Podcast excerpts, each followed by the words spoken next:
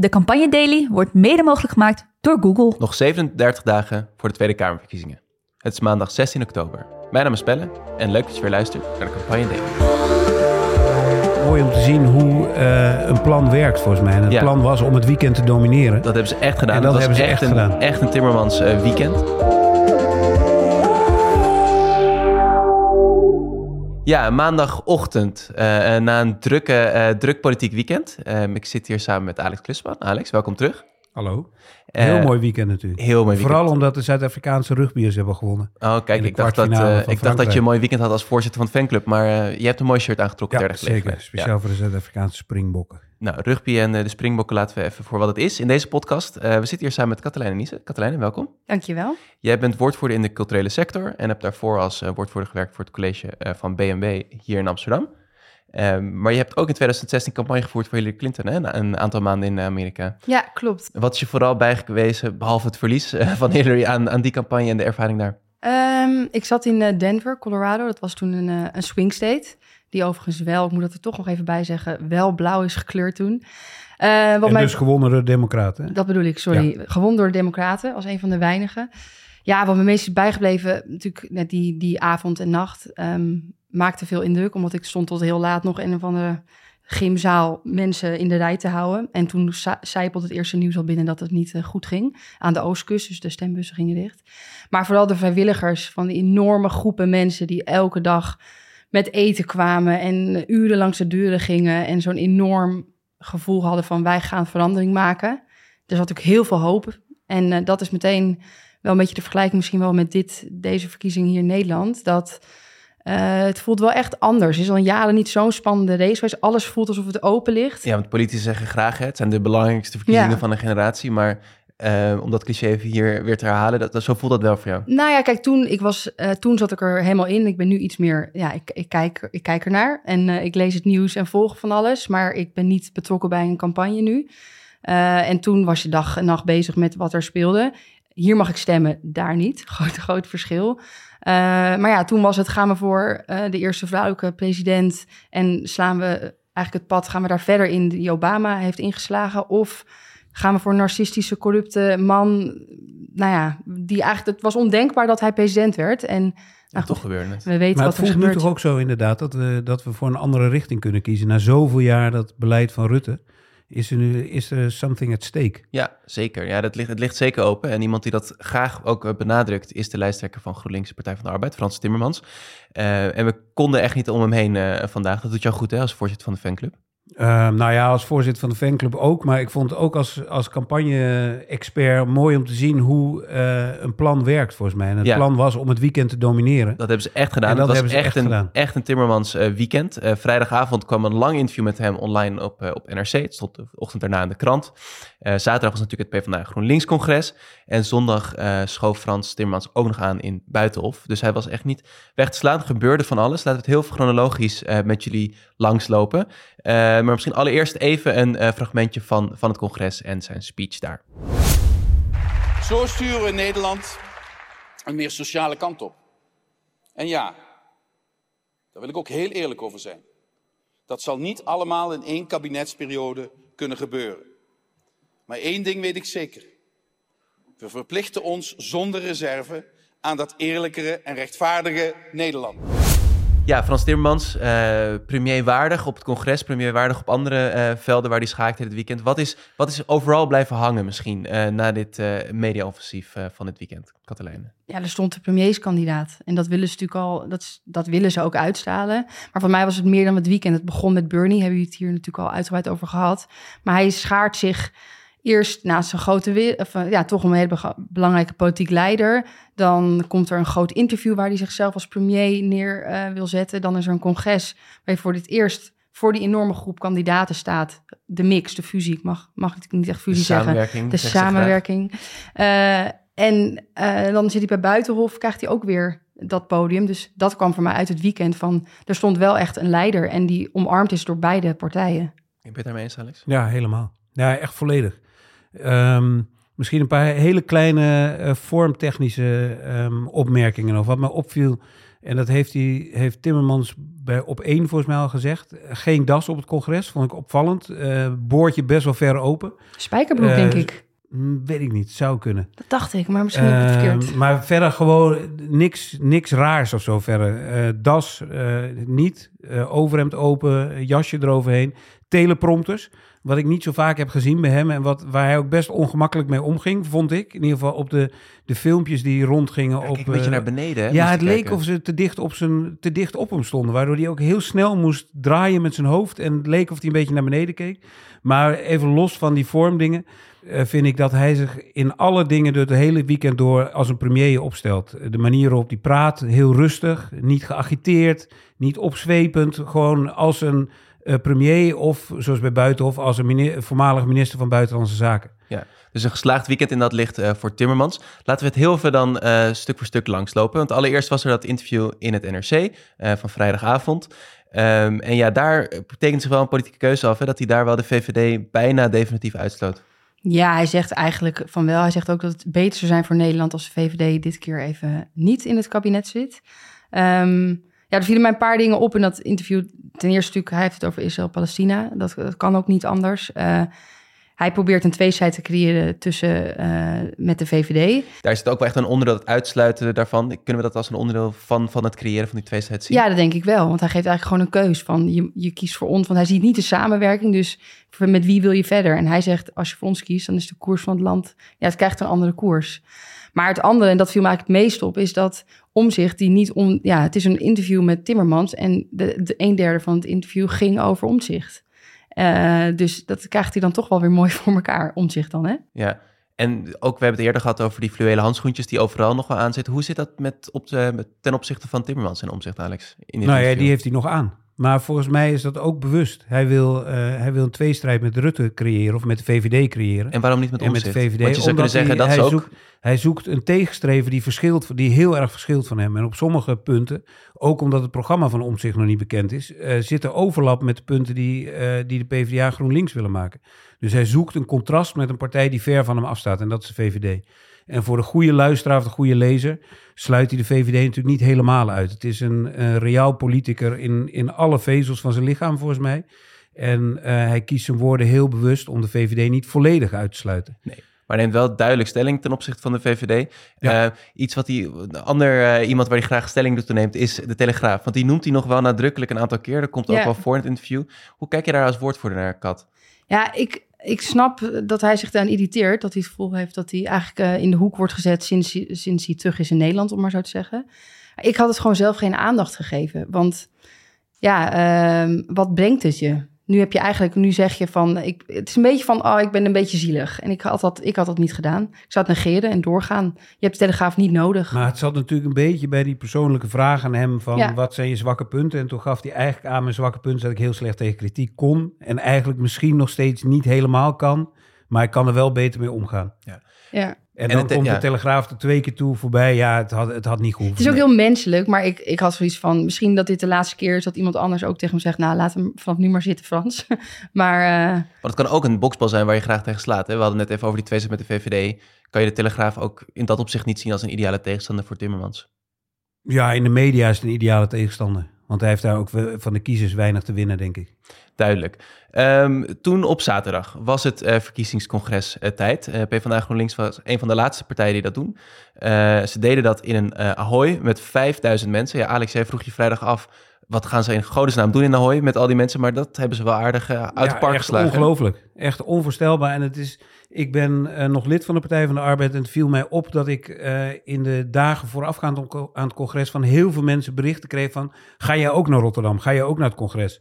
Ik ben niet geweest, maar het, dat is lang geleden dat er, dat, dat er dat soort berichten rondgestuurd werd. Dus er, er, leeft iets, er is een soort, het broeit volgens mij. Het broeit. Frans Timmermans omschreef het als volgt. Zoveel mensen schouder aan schouder, zoveel energie. Vandaag laten we de kracht van die samenwerking zien. Ja, voelde jij die energie ook? Jij kijkt een beetje meer van afstand naar uh, Katelijne. Uh, hoe kijk jij naar, naar Ahoy en dat hele partijcongres? En de, misschien ook wel naar de berichtgeving daarmee? Uh, ja, ik vond, ik vond het knap. Ik had een beetje hetzelfde gevoel als Alex van tevoren. Van jeetje, Ahoy. Eh, ambitieus, maar tof dat je dat eh, ook aangaat. Het zag er niet eh, saai en leeg uit. Dus in de beeldvorming zeg ik, dan heb je tien punten, denk ik.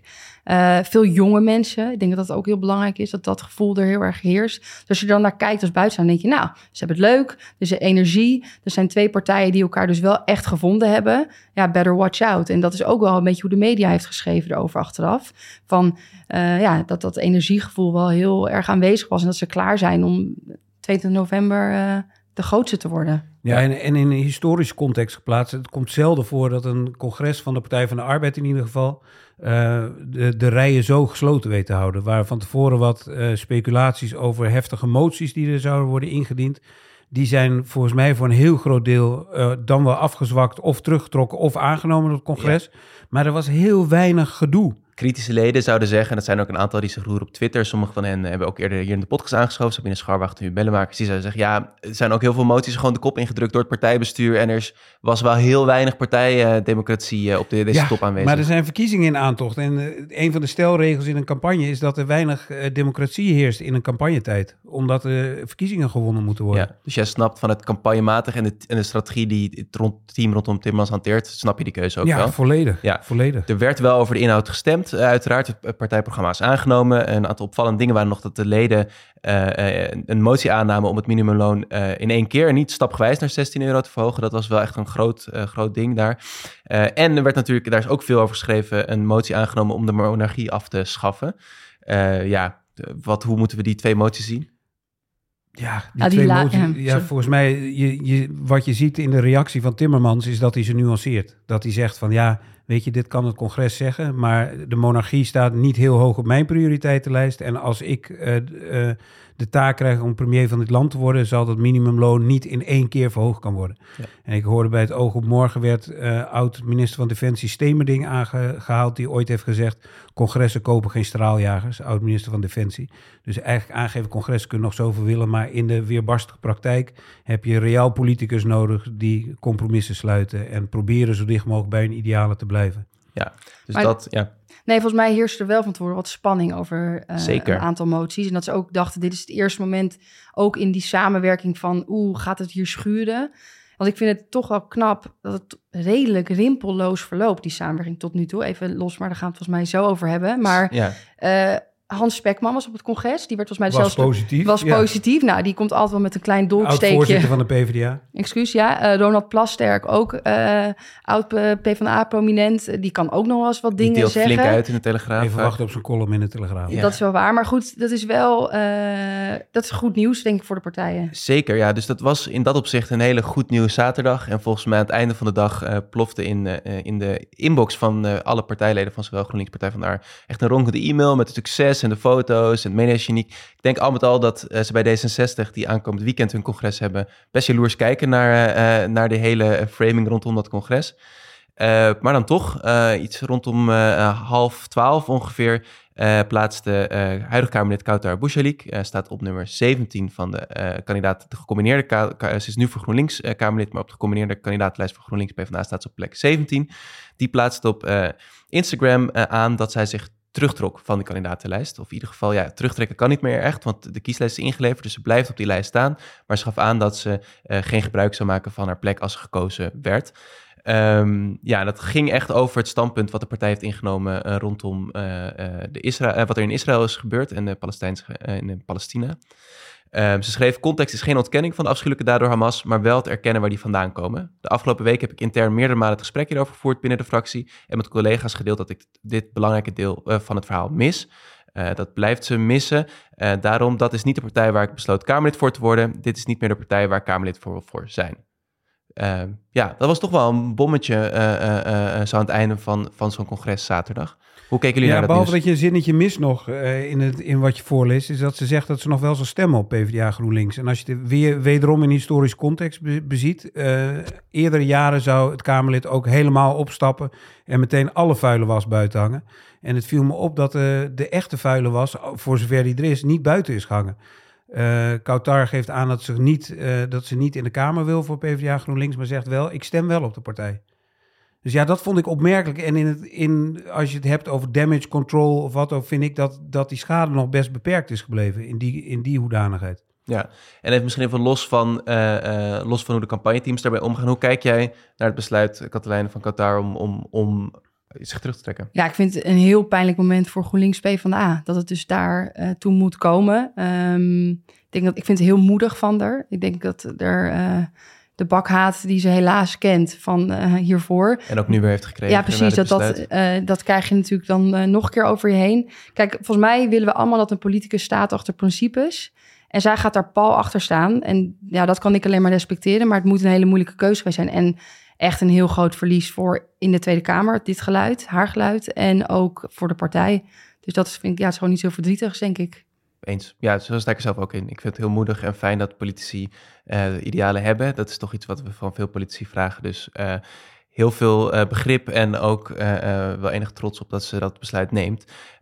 Ja, voor de campagne, die gaat ook zonder haar verder uiteraard. En Timmermans zat de volgende dag in Buitenhof. Op zondagochtend hebben we het daarover. Hij mocht daar weer aanschuiven om, in de hoedanigheid van oud-minister van Buitenlandse Zaken, waar hij wel vaker interviews mag geven over het conflict en de oorlog daar. Maar hij moest ook reageren op het Qatar-nieuws. Alex, even terugkijken op het hele interview. Hoe, hoe deed hij het daar?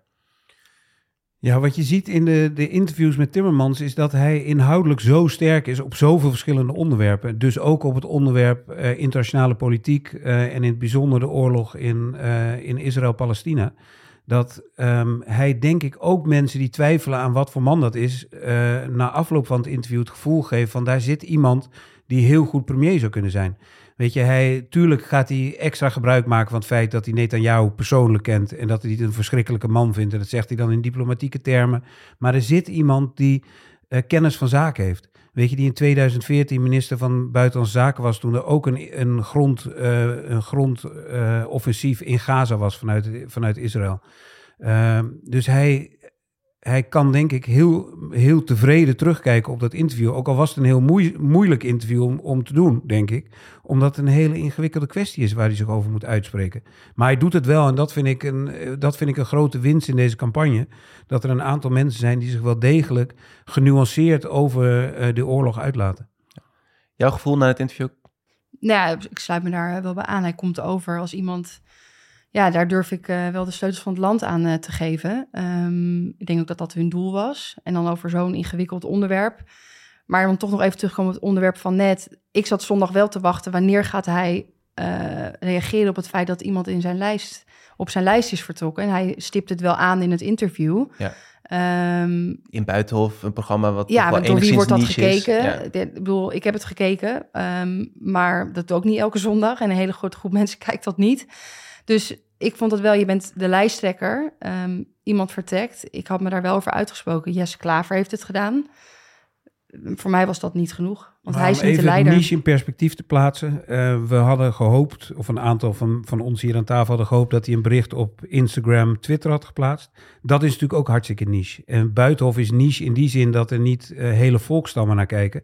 Maar iedereen die in de media ertoe doet, in de politieke media, die kijkt Buitenhof. Ja. Dus hij heeft daar volgens mij een evenwichtige reactie gegeven. En daar wil hij het bij laten. En hij kiest er denk ik bewust voor om dat niet op een, eh, so- eh, op een, op een sociaal media Nee, platform te nee, doen. precies. Daar komt misschien alweer het campagneteam eh gedachtegoed versus misschien eh, eh, meer de politici en ook het aanvoerder van een lijst en van een team, om zo te zeggen, te kijken. Gevoelsmatig miste ik het. Ja. Maar Ja. goed, da- daar zullen de meningen over verdeeld Verdeeld zijn. Ja.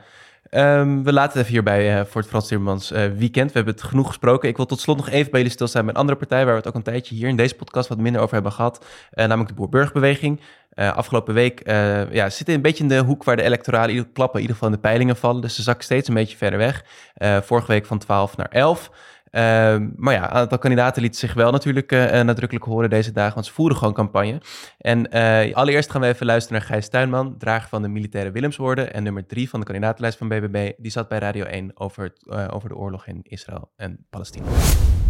Met enkele alleen het kapotmaken van de organisatie van Hamas is de vraag of je op de, of je op de lange termijn daar een constructieve oplossing voor vindt. Die ook in het voordeel is van zowel enerzijds de Palestijnen als eh, de Israëliërs. Ja, Alex, wel een opvallend interview hè, op een bepaalde manier. Ja, echt heel erg opvallend. En ik vraag me af, je kondigt aan, ze voeren nog campagne. Ik vraag me af of dit onderdeel van hun campagne was... of dat dit de militair strateeg eh, Gijs Tuinman is... die ehm, denk ik in ogen van veel mensen eh, wordt gezien als een, als een militair die graag wil vechten.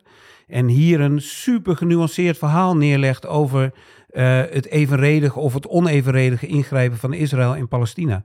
Dus ehm, Ja, je noemt nog expliciet, hè? het wordt steeds lastiger om uit te leggen dat eh, de acties van Israël uit te leggen zijn als zelfbescherming. Ja, dus ik denk dat het voor heel veel mensen heel verwarrend is wat hij zegt. Want die denken, oh, maar er staat een, een, een gelauwerde militair bij BBB op de lijst. Heeft zelf in grondoorlogen in Afghanistan gevochten. En die heeft ineens een super genuanceerd standpunt. Ja, de Dus- vraag is ook wel, ik ben benieuwd hoor, zouden, ze, eh, hè, zouden Mona Keizer en Caroline van der Plas dit hebben voorbesproken met hem? Hoe gaat hij die studio in? Daar ben ik benieuwd naar. Ik denk het niet. Ik, denk het niet. ook We hebben het niet. al eerder over interviews met, eh, met Tuinman gehad, waarin, waarin mensen die hem goed kennen zeggen: het is zo'n slimme, zo'n snelle denker. Die is op een schaakbord 16 zetten vooruit bij ons. Dus dat zal die ook bij Mona Keizer en bij Caroline van der Plas zijn geweest. Ja, dus het is de vraag of dit inderdaad was ingestoken vanuit de partij of dat Gijs Tuinman daar meer op persoonlijke titel sprak. Iemand die zeker weten op eh, persoonlijke titel in een ander eh, ja, opvallend interview van vandaag eh, sprak was Mona Keizer, nummer twee op de lijst. Ehm, ja, dat is zeker eh, teruglezen waard in het Nederlands Dagblad. We zullen de, eh, het interview in de show notes zetten, maar ja, kan ik zeggen dat dat een beetje een trainwreck interview was? Lijkt Ja. een goede samenvatting. Ik weet niet of daar een woordvoerder bij zat, maar die zal echt, hij of zij zal dan echt tien keer dood gegaan zijn. Ja, welke momenten vooral? Nou, eh, je ziet dat Mona zich heel erg in de hoek gedreven, oh sorry, Mona Keizer moet ik zeggen, in de hoek gedreven eh, voelt. Eh, ze voelt. Ik denk dat ze zich heel erg, dat ze heel erg baalt dat, dat die overstap aan haar blijft plakken. Ja, van het gaat CDA niet, naar de BBB inderdaad. Eh, dat, dat, dat, blijft, dat gaat gewoon niet van eraf. Ze kan het niet over de inhoud hebben. Ze blijft vragen krijgen over waarom heeft ze dat gedaan en waarom. Weet je, dat, er zit gewoon nog heel veel en ze kan daar niet los van komen. Dat frustreert haar. Dat uit ze ook heel erg. Dat gesprek wordt steeds naarder en zij zegt ook: we vertrouwen elkaar niet. Dus het, ja, het wordt niet heel veel Nee, gezelliger. het Ja, het, voelt, gesprek. ja. het voelt als een soort van val waar ze in is getrokken door die journalist. Want de journalist begint met de premiersvraag natuurlijk. En dan merk je, daar is Mona Keizer op voorbereid. Dus die heeft daar de antwoorden op klaar. Maar die journalist heeft een veel grotere val namelijk neergezet. Dat is de val van, eh, hoe zit het met CDA? En schreef je niet mee aan het verkiezingsprogramma nog in maart van het CDA? En daar is ze niet op, die je zou kunnen ja, en daar toch? is ze niet op voorbereid. Want dan zegt ze ineens van, ja, maar dit hadden we niet afgesproken. En als het interview deze kant op gaat, dan doe ik niet meer mee. Dan stop ik het interview. Ja, het is niet om te lezen, dit interview. Het is Nee, verschrikkelijk. Ze komt er niet Dus altijd ik zou zeggen, uit. luister allemaal naar Gijs Tuinman en niet naar Mona Keizer. Ja, en is hier toch even, want op die premiervraag is ze dan wel voorbereid. En, en, maar het is toch nog steeds een beetje een soort van, ja, alsof daar niet heel goed over nagedacht is dat zij gelanceerd is als premierskandidaat en de manier waarop dat is gegaan, Katelijn. Nou, volgens mij is een van de campagnelessen één kapitein op een schip. Ja, dat, je ziet het gewoon, je zag het al verkeerd gaan bij de aankondiging. Daar was al chaos eh, omheen. Eh, ik denk dat wel dan de PvdA GroenLinks een mooi voorbeeld is. Klaver heeft echt een stap opzij gezet. Timmermans is de leider van de samenwerking. En je ziet het bij BBB gewoon onduidelijk. Niemand, hè, wie gaat er naar dit debat of wie gaat er naar dat debat? Het is, er is ruis, dus ook naar een kiezer. En zij kunnen er dus ook niet heel goed mee omgaan. Nee. Ja. nee, dus ze noemt het wel, maar het blijft toch een beetje onuitgesproken boven de markt hangen. En daar heeft Keizer ook in dit interview last van. Zeker. Nou ja, ga dat interview lezen. Echt een leestip eh, eh, vanuit ons. Ehm, ja, daarmee zijn we rond voor deze maandag. Eh, druk politiek weekend. Eh, ik hoop dat jullie bijna de volle 25 minuten bij ons zijn gebleven. Ehm, dank Alex dat je er was. Dank Katelijne dat je wilde aanschrijven. Heel leuk om hier te hebben. Dankjewel. En eh, morgen zijn we Gaan we terug. nog niks over Tivoli zeggen? Nee, daar gaan we nog niks over zeggen. Ook daarover morgen meer. Vier in je favoriete podcast app. Luister, deel, like en abonneer. En tot morgen.